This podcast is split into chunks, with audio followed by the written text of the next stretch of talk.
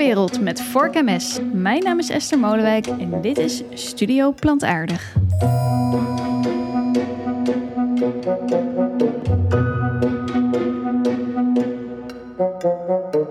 Vandaag gaan we het hebben over dierenwelzijn. Mensen die zich zorgen maken over het dierenwelzijn in de bio-industrie worden er nog wel eens van beticht dat ze geen benul hebben van hoe het er daadwerkelijk aan toe gaat op een boerenbedrijf. Voor deze actievoerder geldt dat in ieder geval niet. Zij werkte namelijk zeven jaar als veearts tussen de varkens in de bio-industrie. Nu is ze directeur van dierenrechtenorganisaties Varkens in Nood en Dier en Recht. Onlangs lanceerde zij de Stoppen met Zuivelcampagnes met posters zoals Melk maakt meer kapot dan je lief is. Een campagne die fel verzet kreeg vanuit de boerensector. Genoeg gesprekstof dus. Frederike Schouten. Hoi. Hi. Nou, mooi dat ik, dat ik bij jou aan de keukentafel mag zitten. Ja, superleuk. Van harte welkom. Ja, we, we vermijden even eh, het geluid en de telefoontjes van je kantoor en eh, zitten hier mooi rustig. Om te beginnen ben ik benieuwd, eh, hoe is het met je in deze hectiek zo rondom de campagne? Ja, goed. Lekker druk wel, maar ehm, het was wel echt een interessante periode ja, rond die zuivelcampagne. Zoveel ophef hadden we eigenlijk niet verwacht. En dat is eigenlijk super fijn natuurlijk, want iedereen heeft het er nu ineens over dat kalfjes worden weggehaald bij de koe. en, Ja. en eh, dat was juist ons punt, dat mensen dat niet weten. Ja, en dan eh, krijg je best het een en ander ook eh, persoonlijk over je heen, heb ik gezien. We gaan er Ja. straks nog wat dieper op in. Maar hoe, hoe, hoe is dat voor jou? Wat doet dat met je als je echt persoonlijk wordt aangesproken op, op nou, wat jij tegen de boeren zegt? Ja, gek hè. Ik had, er was echt aangifte gedaan ook tegen mij persoonlijk. En ik vond, ehm, het, het raakte me ook weer niet echt persoonlijk, omdat ik dacht, ik sta gewoon, ik, ik, ik voel dat ik dit doe voor de kalveren. Ik vind het belangrijk dat we deze boodschap verkondigen. Ik vind ook echt niet dat wij op een of andere manier kwetsend zijn geweest. We hebben eh, altijd geprobeerd om niet eh, aanvallend te zijn. We noemen de boeren niet. We zeggen ook helemaal niet dat er sprake is van mishandeling of, of wettelijke eh, misstanden of zo. Dus ik, nou ja, ik vind het. ehm, ik vond het dus aan de ene kant wel rot, omdat ik boeren goed ken en omdat ik weet van ja, het, het, het, het, het, mm, het doet me wel wat dat zij zo geraakt zijn. Maar eh, ik vind het toch belangrijker om die boodschap te vertellen. En dan denk ik, ja, dan moet het systeem maar veranderen. Zij zitten er ook in vast. En dat is gewoon verkeerd gegroeid. Maar we houden gewoon niet goed rekening met de dieren. En dat moet, wat mij betreft, veel bekender zijn. Is er nog een nacht geweest dat je wakker hebt gelegen? Ja, ja. Ja? nou, eh, na het vonnis wel. Dus we hadden de eh, kort geding. We hadden twee dagen om dat voor te bereiden. En toen was de uitspraak dat we die ene poster moesten verwijderen. En toen dacht ik echt, wat, wat is dit? Toen heb ik echt niet geslapen. Er was wel veel ophef over, veel journalisten die ook belden. Wij waren er, ik had er natuurlijk dagen, was ik er mee bezig geweest. Ehm, en we hadden eigenlijk zo de overtuiging dat je gewoon met de vrijheid van meningsuiting veel dingen kunt zeggen. Ehm, en we gebruiken gewoon feiten. Naar mijn idee staat er alleen maar feitelijke informatie in die, eh, in die campagne. Dus dat je dan eh, de mond wordt gesnoerd eigenlijk. Omdat het de belangen, eh, eigenlijk de economische belangen... Of, of het imago van veehouders zou schaden. Toen dacht ik, dat kan toch niet waar zijn. En waar, Daarom waar, gaan we waar ook zit in dan je hoor, maar- frustratie? Nou, als je ziet wat, wat je allemaal mag. We hadden het erover, als je, als je melkreclames ziet of zo, dan heb je ehm, zingende koeien die een eh, bommetje doen in het zwembad of die vla verkopen of zo. Je mag dus in de reclamewereld mag je klinkklare onzin verkopen. Er staat op melkpakken staat duurzaam en zo, terwijl Ja. we weten dat dat natuurlijk aan alle kanten nergens op slaat. Dus dat soort dingen mag je blijkbaar doen. Je mag van alles zeggen in de publieke ruimte als je troep probeert te verkopen. Of, nee, sorry, producten probeert Ja. te verkopen. En als je dus, wat wij hebben gedaan, is natuurlijk best wel onwennig. Wij proberen te zeggen van, hey, wil je misschien stoppen met dit product te kopen? Ehm, en dat mocht blijkbaar niet. Nou, ik vond dat echt, ja, ik weet niet, ik voelde me denk ik ook een beetje Calimero. Dat je denkt, we hebben blijkbaar dus zulke gigantische belangen hier geraakt. Dat, Ja, ja. dat je tegengas krijgt. Dus ik dacht, is dat nou... Nou ja, dit was een uitspraak van een rechter. Dus dat is niet alsof de gigantische landbouwlobby hierachter Mhm. zit. Maar ik dacht, het betekent wel dat in onze maatschappij... dieren zo laag op de prioriteitenlijst staan... dat je niet voor ze op mag komen als dat misschien mogelijk een mens kwetst of zo. En toen dacht ik, ja, maar hallo, zij gaan massaal dood. Anderhalf miljoen kalfjes dood, ieder jaar. En nu is het omdat het boeren kwetst, zou je dat dan niet mogen zeggen of zo? Dus het voelde heel erg als, wat zijn we nog ver verwijderd van een eerlijke maatschappij waarin dieren gewoon een plek hebben en waarin je dus gewoon over ze mag praten en hun belangen, voor hun belangen mag opkomen. Ja, kun je daar dan ook nog weer een, uh, uh, voor jezelf toch ook weer uh, positieve energie vinden om, om door te vechten? Of denk je soms, ik gooi de handdoek in de ring? Nee, juist. Nee, juist. Ik was daar echt, nou ja, wij met z'n allen, met het hele kantoor waren we meteen daar zo strijdbaar van geworden ja, het hielp natuurlijk ook dat er dus zoveel aandacht voor was. Dus er kwam heel veel reactie van, ook van advocaten die het echt een hele rare uitspraak vonden. En um, veel mensen die ons uh, uh, hebben gebeld en erover hebben geschreven en zo. Dus ik dacht, ja, uiteindelijk is dit gewoon wat nodig is. Je wil die discussie op gang helpen. Nou ja, misschien dat zelfs deze slechte uitspraak voor ons uh, uiteindelijk voor de dieren wel nog heel veel betekend ja. heeft, omdat het zoveel meer ehm, ter sprake is gekomen ja, overal. En daar gaat het uiteindelijk uh, voor een groot deel om ja, in de campagne Maar voeren. ook wel dat we straks in hoger beroep winnen. Want het betekent anders ook veel voor andere organisaties... Mm -hmm. die voor milieu of klimaat mm -hmm. of dierenwelzijn opkomen. Want ja. als je bijvoorbeeld iets zegt over uh, Shell of Tata Steel of zo... dan heb je natuurlijk ook enorme belangen tegen je. Dus je moet wel de vrijheid kunnen hebben om daar kritisch op te zijn. Ja. Voordat we straks uh, verder op die inhoud ingaan, uh, wil ik eigenlijk gewoon even beginnen bij het begin. En uh, dat is eigenlijk. waar kom je vandaan? Ben jij, kom je uit een boerengezin? Je bent veearts geworden. Dus wat, is jouw achtergrond? Nee, ik ben wel een dorpsmeisje, maar ik kom uit Baren. Ik heb geen achtergrond in de veehouderij. Ik ben uh, diergeneeskunde gaan studeren omdat ik dat interessant vond, biologie interessant vond en omdat ik dieren leuk vond natuurlijk.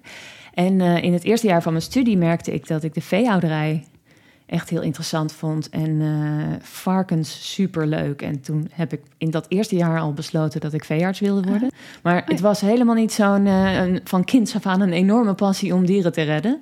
En eigenlijk pas met mijn studie kwam ik goed in aanraking met de veehouderij en, en uh, leerde ik dieren überhaupt beter kennen. Ja. En zag ik hoe dat daar ging. En je zei dat je uh, vooral interesse al ontwikkelde in varkens. Ja, die zie je natuurlijk echt nooit. Dat is echt, ja. Nou ja, misschien een keer een hangbuikzwijn op een kinderboerderij, maar verder zie je nergens varkens. Zitten altijd in stallen. Uh, we hebben er zo'n 13 miljoen, maar je ziet ze niet. 13 en, miljoen varkens in Nederland. Ja, ja. Maar goed, dus ik kwam ze eigenlijk pas tegen tijdens het eerste jaar van mijn studie. En ik vond de dieren gewoon superleuk. Als je tussen uh, varkens zit, zelfs in zo'n uh, kaal, saai betonnen hok, dan zijn ze super sociaal en nieuwsgierig. Ze komen op je af, ze gaan aan je laarzen zitten vroeten, ze spelen met elkaar, ze draaien rondjes. Biggen. Tussen de biggen zit, is gewoon super leuk. En daarnaast vond ik ook die, die, die, die diergeneeskunde interessant. Je hebt een hele groep dieren waarbij je uh, soms als je iets verandert, uh, bijvoorbeeld de tocht of er is iets niet goed in de, in de huisvesting of zoiets, dat je iets kleins kan aanpassen en daarmee zo'n hele groep dieren dus uh, een, een, ziekte kan ja. voorkomen of zo. Dus ik vond ja. dat ook interessant. Ja, want heb jij alleen varkens gedaan? Of? Nee, het was een gemengde praktijk. Oh, ja. Dus we hadden de, de helft van mijn tijd besteed ik aan de varkens. We hadden ook vleeskalveren, melkveebedrijven, één geitenboer en um, schapen en geiten, maar dat vooral hobbyhouders. Dus dat vond ik ook altijd heel leuk om te doen. Ja, en hoe was jouw relatie met de veeboeren? Met de veehouders? Had je, had je het gevoel, hadden jullie samen goed contact en zocht je samen naar oplossing? Of had jij toen al het idee dat je soms tegenover ze stond? Nee, helemaal niet. Nee, maar ik had toen ook nooit gedacht dat ik later dan een activist zou zijn. Of aan de andere, andere kant, weet ik niet of dat zo is. Maar ik... Um, Nee, ik wilde ze gewoon graag helpen met uh, hun varkens uh, gezond houden of, uh, of beter maken als er iets misging. En ik vond het leuk om het vak te leren. Ik startte daar net na mijn opleiding. En um, ik was ook ja, een beetje als een klein meisje kwam ik daar dan bij, bij een koe die ziek was of zo. Dus ik, een aantal veehouders keken eventjes de kat uit de boom en dachten, wat, wat, wie loopt hier nou mijn erf op? Maar ik, ik denk dat ik best wel snel omarmd was. En dat de boeren zeiden van ja, je komt ook niet meer als dierenarts nu mensen vertellen wat ze moeten doen. Maar je bent gewoon een soort partner uh, die kennis heeft waar ze misschien wat aan hebben. Ja, nee hoor, dus de, ja, ik vond het altijd leuk. Gewoon uh, elke maand bij iemand komen, zes jaar lang, dan ken je elkaar redelijk goed. Klinkt eigenlijk alsof je een hele leuke baan uh, had en alsof het allemaal helemaal goed ging. Ja, het was, was ook ja. een lange leuke baan hoor. Wat het is, is alleen gebeurd? jammer dat hij. Ja, het is alleen. Um, Zeven jaar ja. heb je het gedaan? Ja, maar wat ik namelijk ook in het eerste jaar van mijn studie dacht ik dus ja, ik word veearts. En ik dacht ook ja, ik word vegetariër. Want uh, als je namelijk ik denk dat bijna iedereen die veel stallen bezoekt, concludeert dat, het niet, dat wat we doen niet goed is. Dit is als je in zo'n vleeskalverstal staat of in een varkenstal, dan zie je gewoon een heleboel individuen. En die zitten allemaal opgesloten in een hok waar niks te beleven valt, waar te weinig licht komt. Ze komen nooit buiten. Varkens kunnen niet vroeten, kalveren kunnen niet grazen. Het is bizar, echt bizar als je erover nadenkt wat dieren eigenlijk nodig zouden hebben en wat we ze aandoen. En als je dat ziet, dan ja, in eerste instantie dacht ik, ik wil hier niet aan meedoen. En ik wil wel kijken wat er, zeg maar, wat er verandert. Ik zag ook de, de, de markt voor biologisch groeide ook en zo. Dus ik dacht wel, dit, dit is een veranderend systeem. En wat er denk ik gebeurde nadat ik zeven jaar in de praktijk had gewerkt, um, was dat ik dacht, ik, ik doe nog steeds hetzelfde. Dus er gebeurt eigenlijk niet zoveel. Mm er zijn heus, denk ik, in de afgelopen twintig jaar veranderingen geweest in de manier van hoe, hoe, dieren worden gehouden. Maar het is zo minimaal en het komt op geen enkele manier uh, in de buurt van hoe, hoe een dier zou willen leven. En als je dieren niet eens een waardevol leven, dan laat ik me nog helemaal niet uit over. Dan moeten mensen allemaal maar als maatschappij samen beslissen hoe je, of je wel of niet dieren houdt om te eten of om hun producten zoals eieren of, of, of melk uh, te consumeren. Maar wat overduidelijk zou moeten zijn voor iedereen, is dat je ze fatsoenlijk houdt. Dat ze een leven krijgen wat waardevol is. Ja, en, en dan is de grote vraag, denk ik, wat, wat is dan fatsoenlijk? Hè? Je hebt het over hoe dieren zouden willen leven. Ja. Um, jij, jij zag dat dat wat jij om je heen zag niet is hoe dieren zouden willen leven. Maar er zijn ook boeren die daar elke dag in rondlopen en die dat blijkbaar niet zien of niet vinden. Nee. Ja, en dat is gewenning. En daar heb ik natuurlijk jaren ook in gezeten. Dat ik dacht, oké, dit, dit moet beter kunnen. Maar nog steeds niet dat ik dacht, ik word er gek van. Um, dat duurde best wel lang. Maar de wetenschap, die weet best wel goed. Kijk, we zitten... Er wordt steeds meer nu gesproken over dat, dat het leven voor zo'n dier ook waardevol moet zijn. En leuk soms, dat er geluksmomenten moeten zijn. Mhm. Maar we zitten nog daar zo ver vanaf, want er is gewoon dagelijks leed.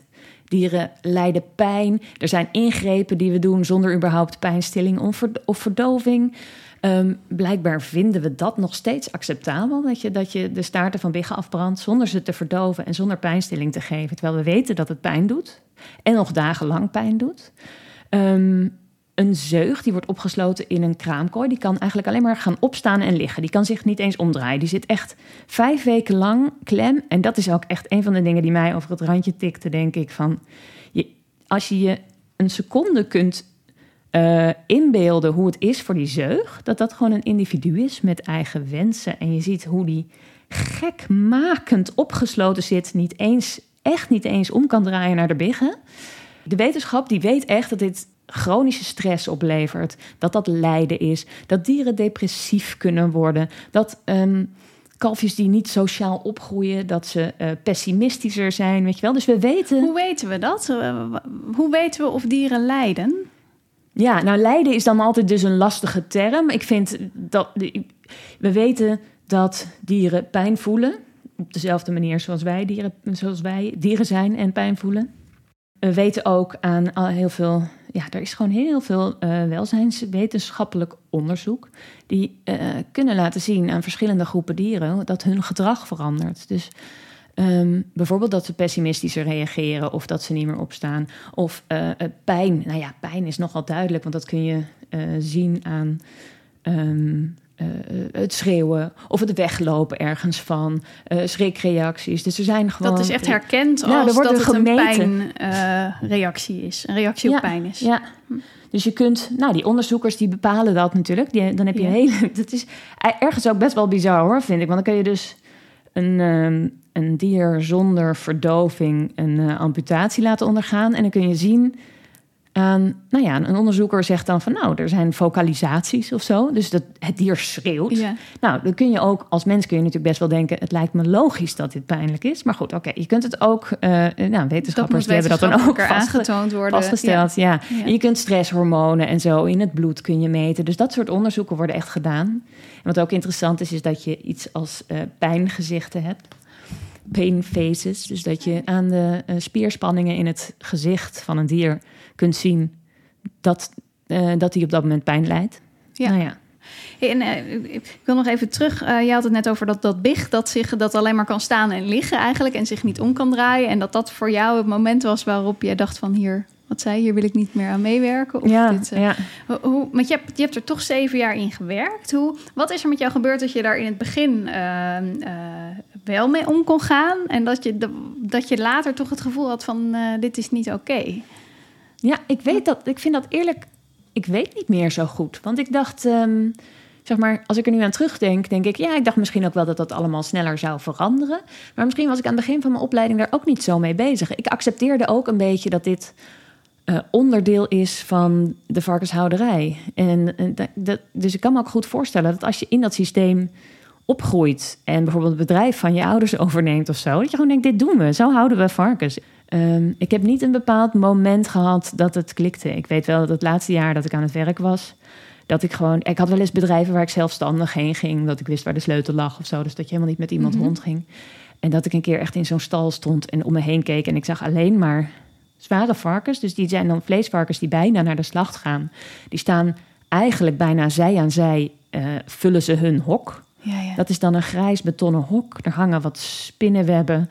Het is er half donker en het ruikt er naar ammoniak. Want het is echt best wel zware lucht om in te ademen. En ook voor die varkens, die hebben een heel gevoelige neus en heel gevoelige luchtwegen. Dus het is een drama.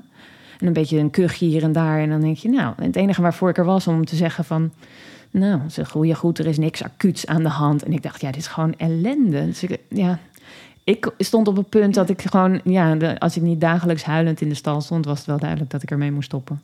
Als je niet dagelijks uh, huilend in de stal, in de stal wilde, wilde, staan, wilde, ja, wilde staan of zo. Ik dacht, ik, kan, ik kan er gewoon niet meer. Ik, uh, ja. ja. En, en voelde je je ook in zekere zin uh, als een soort van als een verrader naar al die trouwe klanten waar je een kop koffie mee dronk elke maand? Dat je het, vond je het moeilijk om, om eigenlijk die praktijk vaarwel te zeggen en een beetje aan de andere kant te gaan staan? Ja, ik um, wist toen ook nog niet dat ik aan de andere kant ging staan. Ik dacht gewoon, dit kan ik niet meer, ik mhm. moet ermee ophouden, ik ga hier aan onderdoor. En um, ik vond het heel moeilijk, want ik had een super fijne praktijk, ook hartstikke leuke collega's. Ik was er graag, veel boeren waar ik goed mee op kon schieten en waar ik ook me aan verbonden had eigenlijk. En wel um, blij was om daar maandelijks te komen. En ik vond ook, het was ook wel een interessante periode, want ik ging eh, zeven jaar lang wisten de meesten ook niet dat ik geen vlees at, bijvoorbeeld of zo. Want dat is ook best wel raar als je op het uh, boerenerf komt en je zegt: het product wat jij produceert, dat varken, dat eet ik eigenlijk niet. Oh, je had het gevoel dat je dat niet kon zeggen? Nou, dat, nee, niet bij iedereen. Hm. Dus uh, uh, na een aantal jaren waren er steeds meer die dat wel wisten, denk ik. Maar ook toen ik dus wegging, kon ik het best wel hebben over um, waar ik tegenaan liep. Want het was ook veel van waar, wat, het. Um, de systeemfouten waren ook best een groot deel daarvan, denk ik. Dus dat, daarbij kan je, denk ik, echt, kan ik nog steeds de boer heel goed vinden. Dat er mhm. altijd, um, er wordt haast niets verdiend. Dat vlees is veel te goedkoop. Die boeren hebben heel veel eisen die op hun afkomen. Dus dat is maatschappij en wetgeving en weet ik veel wat. En ik vind nu, ik, ik vind het logisch dat dat er is, want het klopt ook van geen kanten hoe het gaat.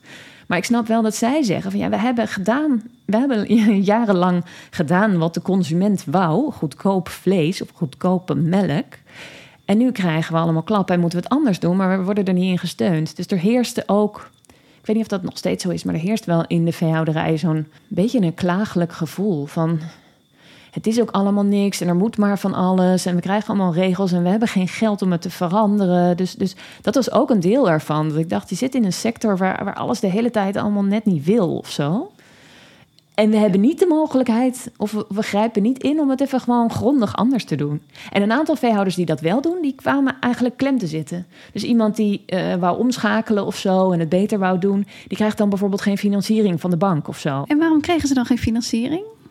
Ja, dan waren ze niet groot genoeg of zo. Dus dan heb je als iemand iets wil veranderen, dan zegt ze ja, dat is goed, maar dan moet je eigenlijk duizend varkens meer houden. Als die boer zegt dat wil ik niet, ik wil gewoon wat ik nu heb, maar ik wil mijn varkens meer ruimte geven, dan zegt de bank van ja, dat is geen verdienmodel.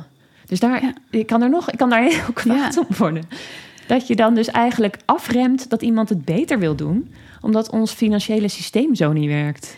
En ik snap dus ook dat jij dan het gevoel had dat het eigenlijk om een groter verhaal ging dan om wat de individuele boer op zijn boerderij deed. Ja, maar dit was wel een van de frustraties die ik ook goed kon delen. Ik kon ook wel, dus toen ik eh, wegging, wist ik dat natuurlijk een paar maanden van tevoren. En dan ga je met iedereen steeds een soort gedachtgesprek voeren. Dat was wel interessant. Want er waren ook boeren die dan met me door de stal liepen. En die zeiden, ja, je hebt ook wel gelijk. Dit is ook niet, ik denk ook dat dit niks is voor die varkens. En toen dacht ik, nou, dat, daar kom ik dan nu, na zes jaar, Ja. kom ik erachter... dat jij misschien eigenlijk ook liever je varkens in het stro houdt... of ze een eh, weiland geeft om, eh, om in te vroeten. Ehm, maar we zitten er allemaal in vast Ja. of zo. Dus ik vond het ook wel... Het was ook wel mooi om dan die gesprekken te voeren. En ook met hun te delen dat ik gewoon dat ik ook vond dat het klem liep. Dat er dingen moeten veranderen, maar dat het e- echt helemaal niet lijkt te lukken. Ja.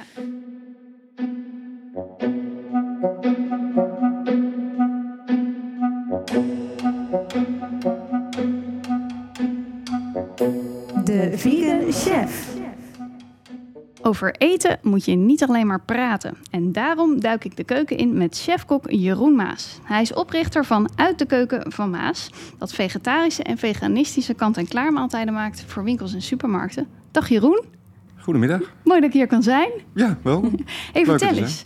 Jullie zeggen ehm, eigenlijk, eh, ons eten komt niet uit een fabriek, maar uit een keuken. Wat is voor jou het verschil? Eh, dat onze kookprocessen eh, eh, zijn zoals je thuis kookt, zeg maar. Dat is de beste vergelijking. En, en er bij volume en schaalvergroting automatisch je op een punt komt dat je gaat produceren. En, en je een producent wordt. Feitelijk zijn we dat ook zo, maar onze processen en hoe we werken is echt koken met pannen en Met pannen en vuur pollepels. pollepels. En jullie zijn onlangs overgestapt op alleen nog maar vegetarische en veganistische maaltijden. Klopt. En wat heeft die overstap eh, gedreven? Nou, het zijn een paar dingen die samenkomen. Ehm, dat we zelf minder en minder vlees eten. We zijn heel goed in het ontwikkelen van vegetarische maaltijden. En nou ja, het leek ons goed om een goed alternatief te hebben eh, voor mensen die gewoon minder vlees willen eten. En dan eigenlijk het zo, maaltijden zo maken dat je het vlees niet mist. Ja, en echt een volwaardige, fijne, interessante maaltijd hebt. En eh, we maken ook weinig, of eigenlijk geen gebruik van vleesvervangers. We gebruiken Aha. echt gewoon groenten. En hoe hebben jullie klanten daarop gereageerd toen jullie alle vleesmaaltijden eruit deden? Nou, hè, wij- leveren veel aan retail. Dus eh, eh, met de eindgebruiker heb je niet heel veel contact. Of met de klanten. Mhm. De retailers vonden het heel interessant en eigenlijk heel fijn dat er een partij is waarvan ze weten. nou, dit is een goed verantwoord, duurzaam bereide maaltijd. en dus ook zonder vlees of vis. Eh, dus vooral positief. Het was een spannende keuze omdat je wel eh, omzet eh, wegdoet, zeg maar. Maar gelukkig is dat effect heel weinig geweest in het begin. En eigenlijk hebben we nu een hele sterke positie als nou ja, specialist van zeg Ja. maar, de vegetarische en veganistische maaltijden. En wat me opvalt, Jeroen, als ik bijvoorbeeld naar jullie site kijk, zie je straalt er niet aan alle kanten af. Ik zie niet direct dat het om alleen maar vegetarisch-veganistische producten gaat. Is daar een reden voor? Nou, we proberen eh, een heel mooi en goed eh, volwaardig alternatief te bieden voor mensen die eh, geen of minder vlees willen eten. En dus we duwen mensen niet de kant op van per se geen vlees eten. Die, die rol die, die past mij niet zo. Maar wij willen dat doen door een oplossing te bieden. En eh, niet gewoon met iedereen stop met vlees eten en dat is prima. Het moet ook gebeuren. Maar wij bieden dan het alternatief. En als ze daar eenmaal in aanraking mee komen, ja, dan, dan ben ik overtuigd dat dat eh, zeker een deel van de mensen eh, aan het denken zet van hé, hey, ja, het hoeft ook niet elke dag een stuk vlees. Het kan Ja. echt eh fors minder. Jullie zitten aan de oplossingenkant van, de van deze uitdaging. ja. En voor deze eerste podcast ja, heb je eigenlijk een soort basisrecept ontwikkeld. Hè? Wat we voor verschillende gerechten kunnen gebruiken. Klopt. We hebben een, eigenlijk een kruidenpasta gemaakt die eh, nou, breed inzetbaar is. En met Eh. pasta hebben we het dan niet over een Italiaanse deegsubstantie. nee, het is geen, eh, geen gerecht. Nee, het is echt een kruidenpasta Ja, ja. die eh, ja, echt eh, smaak aan een gerecht geven. Eh, dus of Ja. een stoofgerecht of een soep. Eh, deze hier die is met veel verse kruiden. Die is eigenlijk ook gewoon lekker als tapenade te gebruiken. Ja, Of eh, zelfs als ontbijt met een beetje avocado op toast. Een beetje erop. Eh, je kan het eh, in een portobello verwerken. Dus het is eigenlijk heel breed. En eh, ja, het geeft gewoon een fijne, diepe smaak aan gerechten. oké. En hoe gaan we hem maken? Deze kruidenpasta die maken we uiteraard van verse kruiden. En een basis van tomaat en knoflook. Gewoon verse knoflook. Wat wij doen en wat, wat hiervoor belangrijk is... voor een goede volle smaak... is dat we de tomaten roosteren. Gewoon op hoge temperatuur, een beetje olie in de oven. En de eh knoflook, die poffen we. Dus die, Die pof? Die, poffen we. Vertel eens, hoe doen we dat?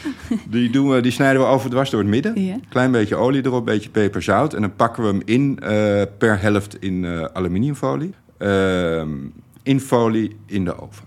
Tot ze helemaal zacht zijn. Alle smaak blijft in het pakketje zitten. De knoflook wordt vol van smaak. Het harde scherpe gaat er juist een beetje af. Eh, klein beetje zoetig hè, door het karamelliseren. En ehm, ja, geeft een hele fijne smaak eh, aan de pasta. Dat is echt toegevoegde waarde. Nou ja, en dan met de tomaten, als die afgekoeld zijn, en de knoflook, nou ja, die, die knijp je uit. Hè, want ze gaan met eh schillen al, of met vellen al de oven in. Dus precies, dus Die die pers je uit. knijp je uit. Ehm, en dan draai je eigenlijk alles met de verse kruiden. Nou, wij doen er vaak een pepertje bij, lekker voor de pit. Komijn. We hebben basilicum, peterselie. En verse munt, lekker fris. ja. Ja, dan heb je bijna een soort umami-achtige smaak. En, en wat is nou dat, dat, woord, dat woord umami? Dat hoor ik nou elke keer in die, in die vegan het, is, eh, het, het is eh, nou, een van de vijf smaken inmiddels. Zoet, zuur, zout, Bitter bitter. en umami. Oké. Eh, het is al lastig omschrijven. Het, het is een soort eh, ziltige, beetje zoutig, ziltige smaak is het. Mhm. En dat is een beetje wat, wat, wat vleeseters misschien soms missen. Dat, dat probeer je dan met dat umami Ja, terug te brengen in een Ja. gerecht. ja, Ja. het geeft echt die volle smaak, waardoor je ja, die vleesmaak niet mist, zeg maar. Ik Dat krijg er een trek in. vervanging. Ja, En als ik dat zo hoor, moet je er eigenlijk flink veel van maken. Want vervolgens kun je het in van alles gebruiken. ja, die pasta Ja. die maken we veel. Je kan hem zelfs invriezen in kleine, in kleine bakjes eh, en dan gewoon eruit halen voor, eh, voor gebruik. Dus eh, wees niet te zuinig. En je liet al weten dat je er onder andere een eh, soep mee van kan maken. En dat Ja. eh, gaan we in de volgende podcast doen, hè? Zeker, Dan eh, houden we de luisteraars nog een beetje vast. Heel goed. Dankjewel. Oké. De kalfjes, daar wil ik het over hebben. Over jullie stoppen met zuivelcampagne. Ik, ik vond hem erg stoer en gedurfd. Kun jij even benoemen hoe die campagne eruit zag? En ook wat, wat jullie reden was om je op de zuivel te richten? Waar het om gaat is eigenlijk de boodschap... eh, zuivel veroorzaakt ernstig dierenleed. Ehm, want voor zuivel wordt ieder jaar een kalfje. Iedere koe krijgt ieder jaar een kalf. Anders geeft ze geen melk. Maar die melk die drinken wij men- mensen allemaal op. Of we ver- verwerken het tot kaas of whatnot. Dus dat kalf moet eigenlijk direct na de geboorte weg bij de moeder. Dus dat gebeurt in vrijwel alle gevallen. Ehm, het kalfje gaat dan eenzaam in een hokje. Ehm, het grootste deel van de kalfjes wordt zelf geen melkkoe. Dus die gaan na twee weken naar een vleeskalverbedrijf. Die worden met z'n allen in een vrachtwagen geladen. En die worden dan in een grote stal gezet. Daar komen ze nooit meer buiten. Die Dus staan... Even een stap terug. Dus de meeste kalfjes die geboren worden, die worden niet zelf vervolgens melkkoe. Nee, die je zijn- hebt ehm, eh, natuurlijk de helft zijn stiertjes. Ja? Oh ja, die worden sowieso die, eh, worden geen melkkoe. En dan heb je nog eh 40% van de vrouwelijke kalveren, van de vaarsjes, die ook niet nodig zijn eigenlijk om zeg maar de vervanging van hun moeders te zijn. Dus je hebt gewoon eh eh, eh, 30% van de kalfjes blijven op het bedrijf en zullen later melkkoe worden. Mhm. 70%, dus voornamelijk de stiertjes en een deel van de vrouwelijke kalveren, die eh, zijn over. En dat wordt een restproduct genoemd. En in Nederland zijn we dan ehm, trots op dat we dit restproduct nog tot vlees maken. Dus dat wordt kalfsvlees. En die gaan naar kalfsvleesbedrijven, dus vleeskalverhouders. En eh, die dieren worden binnengehouden en die krijgen een eh, rantsoen wat niet goed. Die krijgen eten wat niet zo gezond voor ze is. Ze hebben veel gezondheidsproblemen, want ze komen met heel veel kalveren van verschillende eh, bedrijven afkomstig. Dus die krijgen allemaal ziektes van elkaar. Dus een soort grote kindercrash, maar dan een paar maanden lang. Ehm, dus de helft eh, van de kalveren krijgt longontstekingen en borstvliesontsteking. Dat is heel pijnlijk. Ehm, ze krijgen vaak diarree en eh, een deel sterft ook aan die aandoeningen. Kun je daar cijfers van noemen? Ehm, nou, het gedeelte ligt al, begint al op de melkveebedrijf. Dan is ongeveer 11% van de kalfjes eh, voor twee weken leeftijd gaat dood. En op het vleeskalverbedrijf weet ik het niet, 2 of 3 procent geloof ik.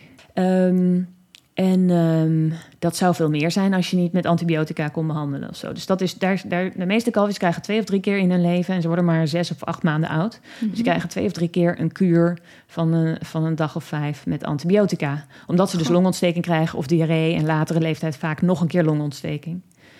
Ehm, Eh, dus oké, dus al die dingen hangen eigenlijk aan zuivel. En wat ik het belangrijker vind nog dan die gezondheidsproblemen, hoewel dat ook echt wel lijden is natuurlijk, is het feit dat die kalfjes eh, nooit buiten komen. Dat ze op een betonnen vloer of een hardhouten vloer leven, boven hun eigen mest en urine. Dus ze hebben geen echt gezonde leefomgeving. En ze hebben echt een hele saaie leefomgeving. Ze kunnen niet zacht liggen. Ze hebben dus alleen maar die betonnen of houten vloer.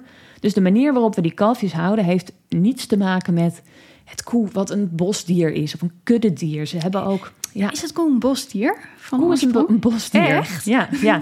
wij denken natuurlijk een weiland, maar ja, een weiland is niet zo natuurlijk. Dat is echt alleen maar ingezaaid gras en daarvoor zijn bomen weggehaald. Ja. Dus je zegt eigenlijk het, het leefgebied van die kalfjes is... ehm, ze komen niet eens buiten en eh, is zo anders dan het in de natuur zou zijn. Ja, dus al Ja. hun natuurlijke gedrag bijna kunnen ze niet uiten. Die vloeren zijn een beetje glad, dus als ze willen spelen met elkaar... Dit zijn echt jonge dieren, hè, die zijn twee, Mhm. drie weken oud. Als die proberen te spelen of dartelen met elkaar, dan glijden ze uit. Tot acht weken leeftijd staan ze ook nog in hun eentje. Dan zitten ze in een soort kooiconstructie. Allemaal naast elkaar in een klein kooitje. Als ze dan acht weken oud zijn, dan gaan die kooien eruit. Dus dan hebben ze een groepshuisvesting. Dan zijn ze met vijf of zes. Maar ja, je hebt dus een dier dat zonder moeder opgroeit. Dus niks van zijn moeder leert. Want hoe lang zou die bij, nauwelijks in een groepje zit. Ja. Dus, ja, hoe lang zou die bij zijn moeder blijven als die eh, eh, in het bos leeft of in, de, of in de natuur, in een natuurlijke situatie? Ongeveer negen maanden of zo. Oh ja. En ze hebben wel, dan langzaam maar zeker gaan ze natuurlijk al best wel hun eigen gang. En gaan ze ook zelf grazen. En zoeken ze maar eh, een paar keer per dag nog hun moeder op of zo. Maar de natuurlijke eh, leeftijd om te spelen zou ongeveer negen maanden zijn. Ja. En hoe snel is het nu, zei je, dat ze weggehaald worden bij de moeder? Hoe lang? Direct. Dus meestal binnen het uur. Aha. En sommige boeren die laten die koe nog het kalfje droog likken. Want dat is ook nou, gezond voor het kalf. Maar het risico daarvan is, is dat ze nog meer aan elkaar gehecht worden. Dus dat het drama nog groter wordt. Ja, ik, ik wil precies op dit punt, op het scheiden van moeder en kalf, wil ik, wil ik graag even een fragmentje laten horen. En dat was ehm, van eh, jou wel bekend van het Radio 1-interview dat jij onlangs voerde.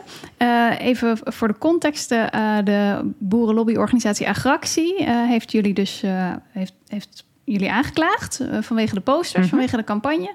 En daarover was een interview en jij hebt daar jouw standpunt gegeven. En vervolgens was eh, meneer van Agractie, eh, Bert, Ke- Bert Kemp van Agractie, eh, die gaf zijn commentaar. En jij, jij kreeg niet meer de gelegenheid om daarop in te gaan. Dus ik ben even heel benieuwd wat jouw reactie daarop is. Eh, hier is die. Bart Kemp, voorzitter van de Boerenactieclub de Agractie, de organisatie die deze rechtszaak eh, startte. Meneer Kemp, goedenavond. Ja, de- de- Goedenavond. we hadden een, een blije verliezer aan de lijn. Hebben we ook een blije winnaar aan de lijn? Ja, ik hoor eh, opnieuw Frederik Schouten eh, dingen beweren die pertinent niet kloppen. Ook met de uitspraak van de rechter niet.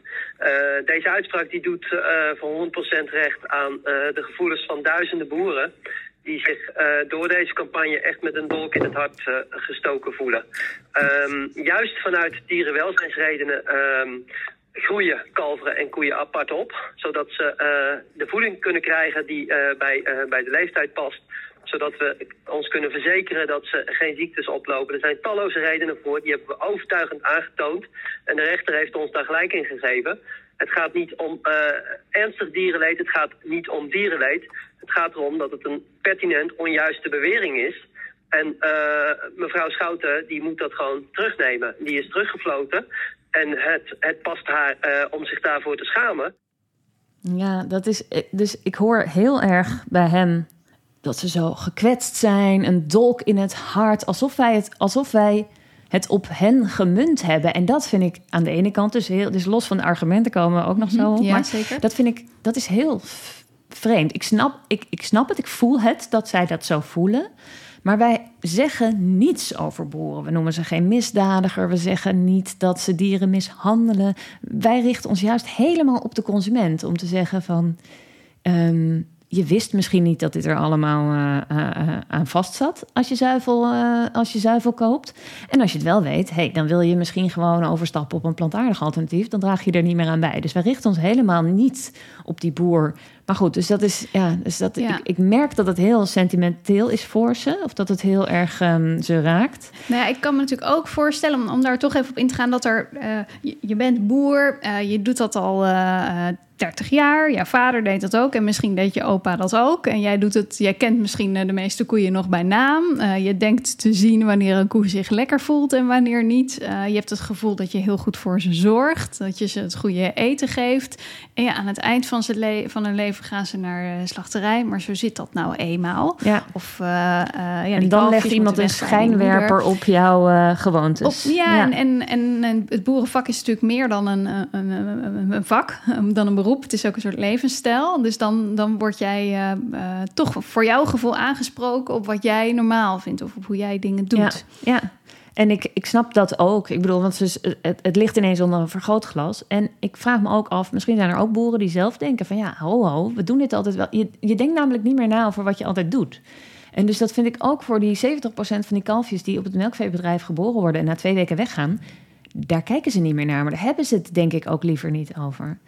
Want we hebben zo, um, zoals met varkens in nood en met dierenrecht, al, al veel langer dat we uh, kritisch zijn op uh, dingen die misgaan in de varkenshouderij of in de vleeskalverhouderij. Maar de zuivelindustrie, mensen in Nederland hebben ook een fantastisch beeld mm -hmm. bij, uh, bij zuivel. Dus het imago is, ik denk ook door jaren van fantastische marketing, is het imago van de, van de, de melkveehouderij is heel goed. We zien een koe in de wei en we denken fantastisch. En dus ik denk dat ze ook heel erg echt geschrokken zijn dat, dat het nu bij hun, dat dit bij hen is terechtgekomen.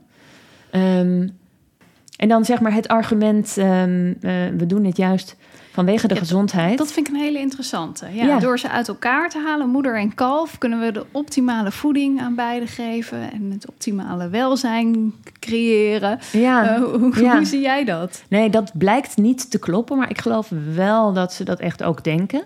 Ik geloof niet dat boeren denken dat dat nou de reden is. De reden is duidelijk natuurlijk dat, je de, dat de melk voor de mensen in een pak terecht moet komen. En dat je dan niet kan hebben dat het kalf het ook opdringt. Eh, dus daar is dat ontstaan. Ehm, maar er zijn wel veel onderzoeken die laten zien dat eh, in het huidige systeem, in het huidige systeem, in de lichtboxenstallen waar je, waar je koeien in houdt, dat als je daar dan die kalfjes bij houdt, dat dat slechter voor ze is. Maar ja, dat is ook niet, dat is echt niet ingericht voor een koe met haar kalf. Dus daar wordt steeds aan voorbij gegaan dat, dat al, die, al die onderzoeken die misschien zeggen van ja, als je ze apart houdt, kan dat misschien beter. Ehm, die gaan er helemaal aan voorbij dat, het- dat het dan nog steeds gaat over in het huidige systeem, waar je nou eenmaal melk produceert met koeien, eh, wat je aan mensen wil geven. En, het huidige, eh, en de huidige stallen zoals ze zijn. En daarnaast is er dus ook wel best wel veel mis. Ehm, eh, want wat zo'n onderzoeker ook zegt, is dat die zegt dat kan, mits de veehouder de adequate zorg verleent aan dat kalfje. En dat is best wel een grote maar, want dan zeg je eigenlijk. ehm, eh, ik, ik ga er dan helemaal vooruit dat, dat, dat die boer alle tijd heeft om voor die kalfjes te zorgen. En helaas blijkt dat heel vaak mis te gaan. Want we hebben ook een aantal jaren geleden zijn er grote eh, zorgen geweest over veel te hoge kalversterfte. Dus die 11,5% die, eh, van die kalfjes die doodgaat. Dat komt omdat in een aantal bedrijven, en ik geloof dat één op de vijf bedrijven of zo, die hebben echt te hoge kalversterfte. Omdat ze te weinig tijd hebben, geven boeren ook zelf aan. Die, ze hebben eigenlijk te weinig tijd met eh, schaalvergroting en zo om echt goed voor die kalfjes te zorgen. Ehm, dus zijn ze vaak te laat met biest. Eh, boeren blijken ook te weinig melk te geven. Dus zo'n kalf krijgt dan maar twee keer op een dag en opgeteld ongeveer 7 liter melk. Terwijl ze van nature zeven keer op een dag zouden en ongeveer twee keer zoveel melk zouden krijgen als ze bij de moeder zouden drinken. Dus ze worden eigenlijk gewoon onder, een beetje ondervoed. Wij vonden wel echt achteraf dat wij niet eh, goed genoeg hebben kunnen duidelijk maken waar het, waar het om draait, waar het in onze campagne om draait. Nog los van dat wij dachten van in, de, in, de, eh, in het maatschappelijk debat moet je best wel veel dingen kunnen zeggen. Maar ook los daarvan hebben wij niet goed kunnen onderbouwen op welke onderzoeken wij ons baseren. Want er zijn eh, onderzoekers die het scheiden van een kalf en een koe gewoon een hele hoge, eh, ernstig noemen, zeg maar, ernstig leed noemen. Ja.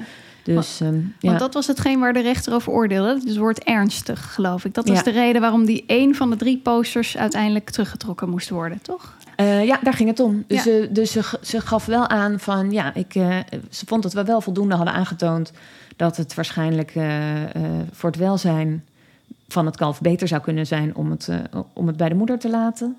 En dat dat misschien ook wel eh, eh, leed zou, sche- eh, zou schelen. Maar ze vond niet dat we voldo- voldoende hadden aangetoond dat dat ernstig was.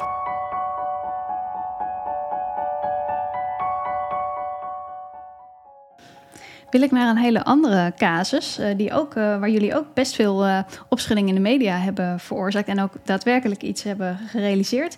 En dat is de actie van Varkens in Nood. Um, uh, en dat was eigenlijk het verzoek om het slachthuis Goschalk te sluiten... naar aanleiding van, van diverse misstanden. Jullie hebben een medewerker daar naartoe gestuurd... die volgens mij twintig dagen undercover is geweest. Ja. Was dat een dierenvriend trouwens? Een grote dierenvriend, Jeetje, ja. Moeten, ja. Moeten, moeten lastige dagen geweest zijn voor hem. Ja, heel zwaar, ja.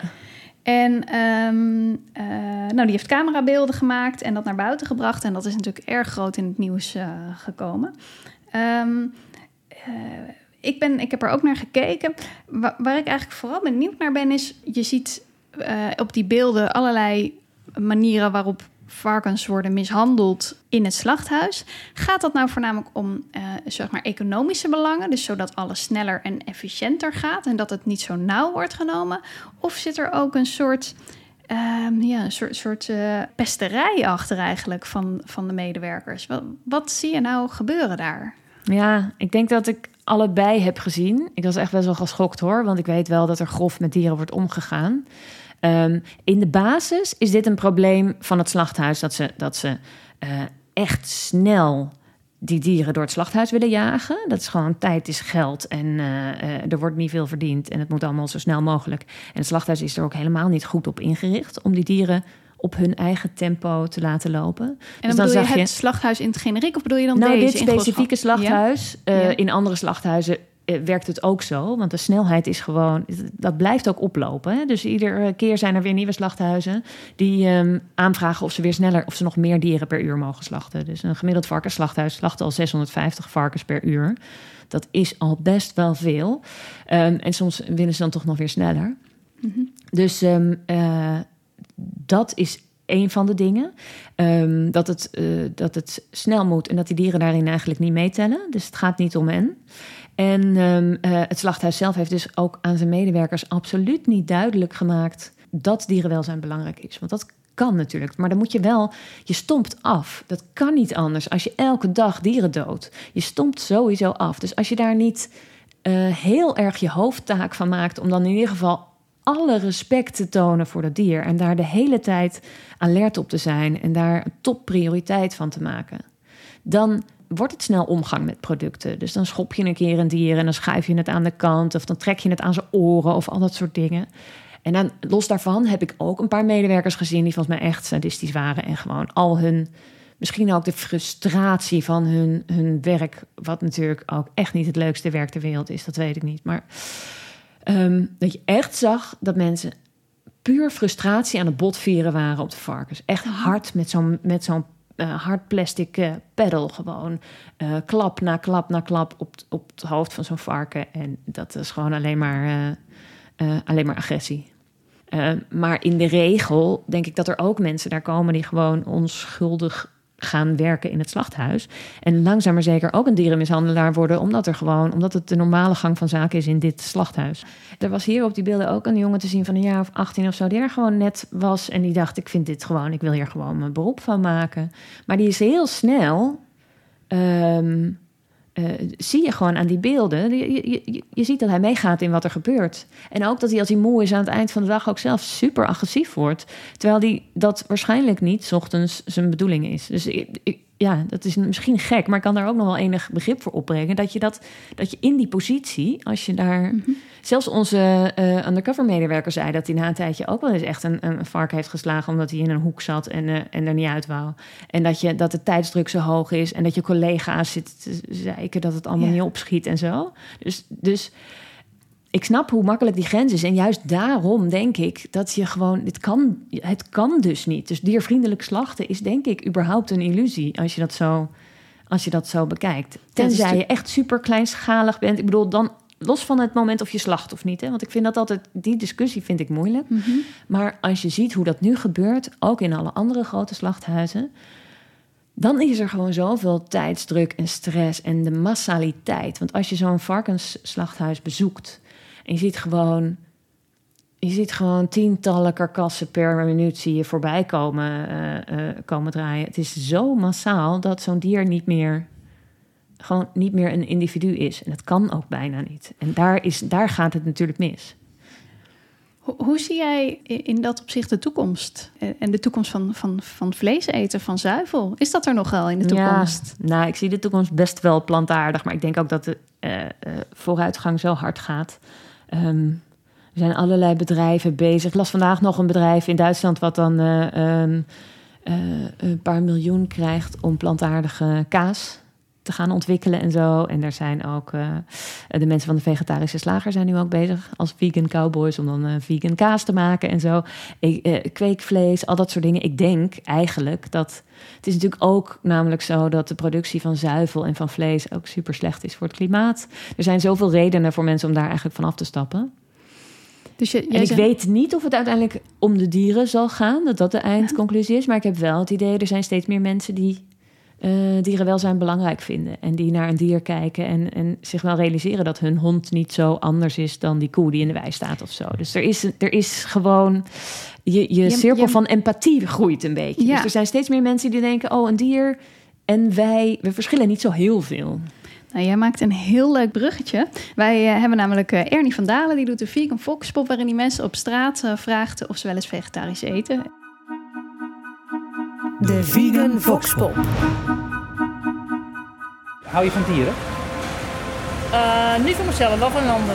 Wel van een ander. Ja, en weet je wat het is? Als ik iemand zie die een, die een schopt, zeg ik er wel wat van of zo. Ja. Dat is wel. Hey, en wat vind je dan van hoe eh, dieren klaargemaakt worden voor de supermarkt? Nou, ik heb het van de week gezien bij eh, die grote slacht en dat vond ik heel erg. Maakt het dan voor jezelf nog uit of je... Vlees, eten of niet? Nee, Nee? nee. Ik ben daar niet mee bezig. Ja. Kijk, als ik mee bezig ben, dan ga ik meer over de- nadenken. Maar ik denk er niet over na.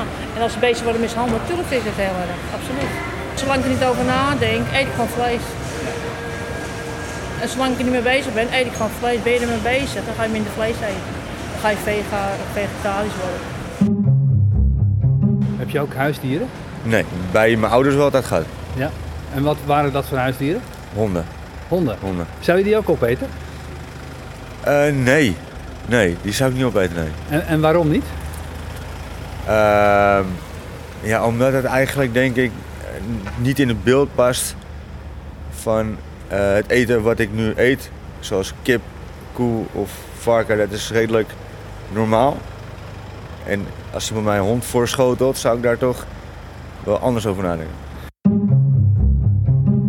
Ik vind wel honden heel leuk en katten. Huisdieren sowieso. Hey, en, eh, en zou je ze ook opeten? Nee, Nee? Een kat of een hond of zo? Nee. Nee? nee. Maar een koe wel. Ja, omdat koeien zijn minder schattig. Ze zijn minder schattig. Ja. Ik eh, denk niet echt na als ik een koe eet over dat het een koe is en dat hij ook een leven heeft. Ja, we hebben een eh, hond gehad, wat vogels, vissen, weet je, Ja. standaard huistuin en keuken. Ja. Zou je die ook kunnen eten? Eh, nee, Waarom niet? nee, dat gaat iets te ver. En wat is daar anders aan dan eh, een koe uit de wei? Dat weet ik niet, dat is een hele goede vraag. Die discussie hebben we thuis ook wel eens met vrienden en eh, familie. Zou je poes kunnen eten? Nee. Nee? Maar een kip wel? Ja. Wat is voor jou het verschil? Ehm, nou ja, een poes zien we natuurlijk meer als een huisdier. En dan, is, dan voelt het gewoon breed als je dan een huisdier opeet. En natuurlijk, als je, de, de katten waren ooit ook wilde dieren. Maar eh, ja. ja, een- kip associeer ik gewoon meer met eh, dat die eh, hè, zijn eieren legt voor de mens eigenlijk. Ja, dat een beetje gek. En, ehm, en dat de melk, eh, dat de koe zeg maar melk geeft ook voor de mensen om te consumeren, omdat het al zo lang gaat. Ja. Ja, ik heb het idee dat u echt een super veganist bent. Dus dat... Wat leuk dat je dat zegt. Ja. trouwens. Ik sowieso hou ik van dieren. Ja, heb je ook huisdieren? Ja, ik heb een eh, Tsjechische uh, tekkel. Dus een Zou je een Tsjechische tekkel ook eten? Nee. Nee? Nee. En waarom niet? Nee, weet ik niet. Nee. Want een koe eet je wel? Ja, een koe weet ik wel, ja. Ja. Nou, ik denk dat dat gewoonte is. Dat is niet raar. En een tekkel eten, ja, dat klinkt zo gek. Dat klinkt zo gek. Ja.